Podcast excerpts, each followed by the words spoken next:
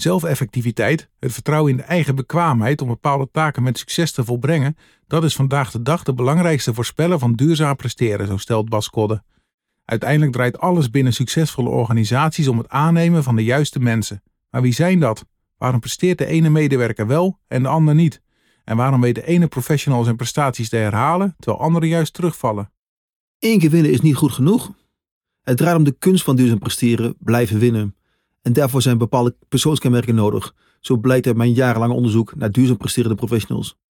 Welke zijn dat dan? Dat willen we natuurlijk wel graag weten. Op nummer 1 zelfeffectiviteit. Op nummer 2 aanpassingsvermogen. De derde plek betreft mentale fitheid voor gestelde taakeisen. De nummer 4 is intrinsieke motivatie. En op plek 5 komt intelligentie. Maar naast die persoonskenmerken gaat het ook nog ergens anders om. De why. Bevlogen professionals presteren beter. Dus moet eerst de waarom van jezelf en je organisatie geformuleerd en gedragen worden om vervolgens professional te zoeken met de vandaag de dag belangrijkste persoonskenmerken om toekomstig succes te kunnen boeken. Eén keer winnen is niet goed genoeg.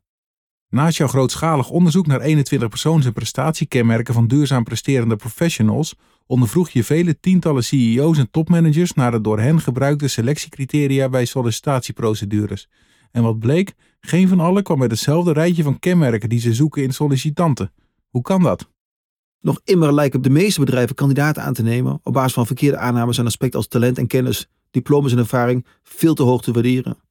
Uit mijn onderzoek blijkt juist dat karakter en de fit met de organisatie en met name die met de leidinggevende van cruciaal belang zijn om van winnen naar winnen te kunnen komen. Maar wat zeggen diploma's dan? Kennis verhoudt snel en steeds sneller.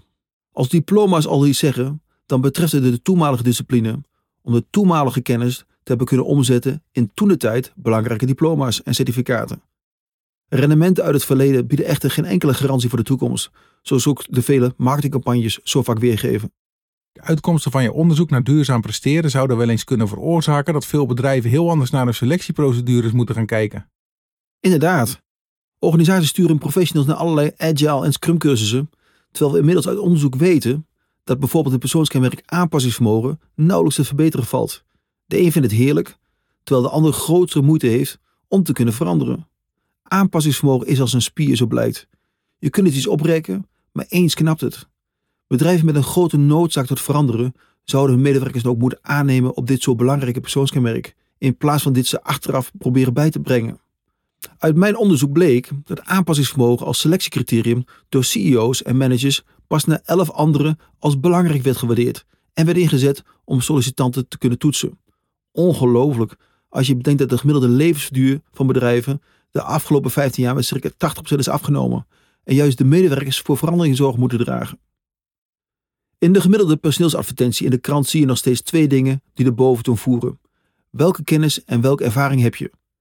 Diploma's zeggen dus niks, het is bijna een valkuil. Na vier weet je tussen de 90 en 35 procent van de aangeloorde stof niet meer, zo weten we inmiddels. En van de 5 tot 10 procent informatie die je nog wel weet, is het merendeel sterk verouderd. Ook ervaring is veel minder belangrijk dan algemeen aangenomen. Dat gaat in sommige gevallen zelfs ten koste van presteren. Zodra ervaring wordt omgezet en routinematig handelen, dan gaat het verkeerd. In de wetenschap wordt het ook wel die experience trap genoemd. Omdat bedrijven en functies nu zo snel veranderen, is juist aanpassingsvermogen en zelfeffectiviteit zo belangrijk, blijkt uit jouw onderzoek. Maar dat betekent ook dat medewerkers anders naar hun carrière moeten kijken? Ja, mijn conclusie voor professionals is dat ze niet zozeer naar de perfecte functie, maar naar de perfecte omgeving moeten zoeken. Op basis van zelfeffectiviteit en aanpassingsvermogen creëer je dan geleidelijk aan steeds meer je eigen rol en functie. Zoek die organisatie die het beste bij jou past en vaar op je sterke punten. Zowel de organisatie als jezelf zullen profiteren. Hoe meer talenten er in een goed samengesteld team worden aangeboord, hoe beter dat is voor duurzaam presteren. Voordat je bij Nijenrode aan het werk ging, was je 15 jaar ondernemer. In 1998 startte jij je eerste onderneming letterlijk vanuit de woonkamer. Een bedrijf dat uitgroeide tot een organisatie met diverse vestigingen en vele tientallen werknemers. Het onderwerp leiderschap lijkt je dus ook niet vreemd. Wat is daarover jouw mening? Een leiding geven aan anderen is eigenlijk het makkelijkste wat er is. Dat kan iedereen. Leiding nemen over je eigen leven en je professionele ontwikkeling, dat is in mijn ogen het moeilijkste wat er is. De hoogste graad van leiderschap is in mijn ogen het optimaal leiding laten nemen door medewerkers.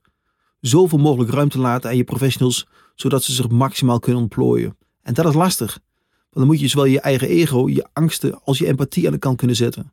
Het helpen van professionals door leidinggevenden is de doodskus voor duurzaam presteren. Je zou zeggen dat empathie juist een goede eigenschap is voor leidinggevenden. Je moet als leidinggevende nooit willen helpen. Er zijn in mijn ogen slechts drie aspecten die uiteindelijk duurzame teamprestaties bepalen: energie, eigenaarschap, verbondenheid. Als je als leidinggevende gaat helpen, dan gaan al die drie aspecten verloren. De energie gaat op, niet alleen bij de ander, maar ook bij jezelf. Het eigenaarschap valt weg, want de problemen houden gooit zijn probleem nu bij jou over de schutting. En de verbondenheid van de professional met zijn taken, zijn collega's, de organisatie en jouzelf daalt. Hij is er mooi vanaf. En je kunt er donder op zeggen dat het gebeurt steeds sneller en steeds vaker. Steeds meer medewerkers zullen je weten te vinden om hun problemen door jou te laten oplossen. Als leidinggevende trap je al snel in je eigen valkuil. En daarbij zorg je er ook voor dat mensen zich niet kunnen ontwikkelen. De verbondenheid daalt door opnieuw. Maar wat moet je dan wel doen? Iemand met een slimme vraag of een richting aanzetten tot het oplossen van zijn of haar probleem. Leiding laten nemen. Zijn energie en zijn talenten laten aanwenden om zijn probleem op te lossen. Zo iemand kan later weer dienen als mentor van een ander. Waarbij ook voor hem geldt: niet helpen, hooguit coachen of faciliteren. Leiding geven aan professionals is mijn inzien eigenlijk het omgekeerde van het opvoeden van je kinderen. Je begint directief, poets je tanden, eet je bord leeg, ga naar school, etc. Daarna ga je coachen. Denk eens aan deze studie, deze opleiding of deze mogelijkheid. Jongvolwassenen kun je laten faciliteren, bijvoorbeeld met een tweede hypotheek. En zijn ze volwassen, dan resteert slechts nog supporten. Voor ze applaudisseren, goed gedaan. Bij het leidinggevende professionals is het precies andersom. Je begint met support, applaudisseren. Kunnen ze dat echter niet aan, komen de resultaten niet, dan kun je faciliteren. Bijvoorbeeld door een mentor in de organisatie aan te stellen of een opleiding aan te bieden. Werkt ook dat niet, dan kun je overgaan tot coachen. En werkt ook dat niet, dan is slechts een ruimte voor directief aansturen. Situationeel leiderschap, waarover zo vaak wordt gesproken, betreft in mijn ogen dan slechts een basiskwalificatie. Het gaat veel verder dan dat.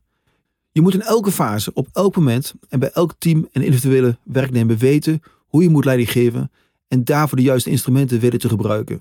Opschakelen of juist weer terugschakelen. Kun je leiderschap dan wel leren? Je kunt veel zaken leren, maar ik denk dat je ook bepaalde aangeboren eigenschappen moet bezitten om een goede leider over langere tijd te kunnen zijn. Iedereen kan immers een leider zijn in een bepaalde situatie. In de natuur gebeurt het ook.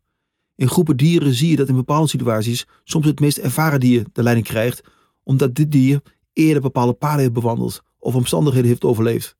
Terwijl in andere situaties juist het meest dominante agressieve dier wordt aangewezen om de groep te leiden. Situationeel leiderschap en het gebruik van zelfeffectiviteit gebeurt in de natuur als vanzelf. Onze huidige tijd wordt gekenmerkt door snelle veranderingen, een grote stroom aan informatie. We weten alles van elkaar en van onze concurrenten, maar daardoor ontstaat ook angst, een hang naar zekerheden. Maar daardoor gaat de aandacht veelal naar de verkeerde managementcontrole, zeg je. 40% van de tijd in bijvoorbeeld ziekenhuizen wordt besteed aan administratie. Op scholen lijkt het dezelfde kant op te gaan. Zoveel prestatie aan tijd binnen organisaties wordt aangewend voor schijnzekerheden. Tijd die we niet meer kunnen besteden aan medewerkers of aan klanten. In de natuur kun je die tijd ook niet verliezen. Je wordt opgevreten.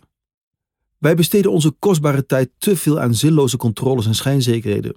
Ontzettend gevaarlijk in tijden waarin juist aanpassingsvermogen de bepalende overlevingsfactor voor veel bedrijven lijkt te zijn. Het verkeerd gebruik van managementcontroles is funest. Vooral voor de bevlogenheid van medewerkers, die een basisvoorwaarde lijkt voor duurzaam presteren. Niet de procescontroles, maar de resultaat- en personeelscontrole, het aannemen en doorselecteren van de juiste medewerkers met de juiste persoonskenmerken en prestatiecriteria, zouden boventoon moeten voeren binnen organisaties. Ik zie helaas heel veel verkeerde leiderschap in organisaties dat teruggevoerd kan worden op angst en de hang naar zekerheid. Twee leiderschapstijlen spannen daar in de kroon, geef je aan. De eerste is de autocratische stijl van leiderschap. De autoritaire aansturing gericht op de uitvoering van taken en niet op de mensen die het moeten uitvoeren.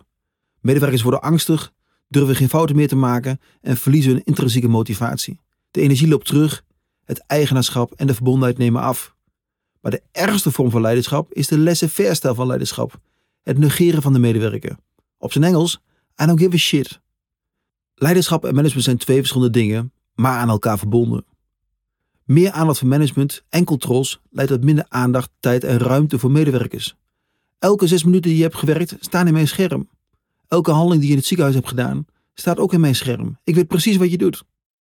Bij sommige organisaties worden managers er dan ook allemaal uitgegooid en worden zelfsturende teams geïntroduceerd om zo efficiënter te worden en bij te dragen aan bevlogenheid en duurzaam presteren. Maar daar heb jij een duidelijke mening over. Zelfsturende teams bestaan niet. Ruimte ontstaat door haar kaders. Zelfs Semmler en buurtzorg hebben en gebruiken kaders. Er zijn geen zelfsturende teams, er zijn teams met meer interne en externe regelcapaciteit.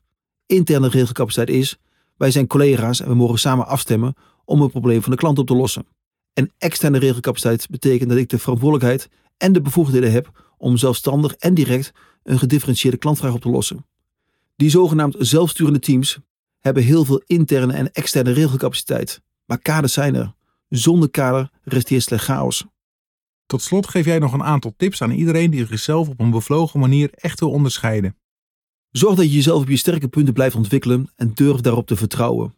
Wees zelf effectief. Juist de succesvolle en op het oog grootste rebellen hebben zich gericht op hun sterke punten. Zorg dus dat je één onderwerp hebt waar je je volledig je toewijding aan kunt wijden en hou de rest stabiel, zodat je geen overbodige energie verliest. Ondernemerschap betekent letterlijk risico mijden. Ga vol voor je sterke punten en laat je compenseren op je mindere. Om dat te bereiken lijkt er wel een grote maatschappelijke verandering nodig. Er moet er anders gekeken worden naar de kwaliteiten en talenten van mensen. Ja, dat vind ik ook. En dat begint al op school. Als je thuis kwam met twee achten, drie zevens en een vier, dan kreeg je op je donder voor die vier. Je kunt tegenwoordig niet afstuderen van het VWO als je een 9 hebt voor scheikunde, een 10 voor wiskunde, een 4 voor Frans en een 5 voor maatschappijleer. Dat zijn echter onze toekomstige Nobelprijswinnaars. Zulke mensen moet je met de trein ophalen en naar de TU Delft brengen om daar wiskunde of scheikunde te gaan studeren. Laat ze echter vooral niet in Frankrijk gaan werken. Maar dat weten ze zelf ook wel. Laten we ophouden om voor iedereen een zesje te maken.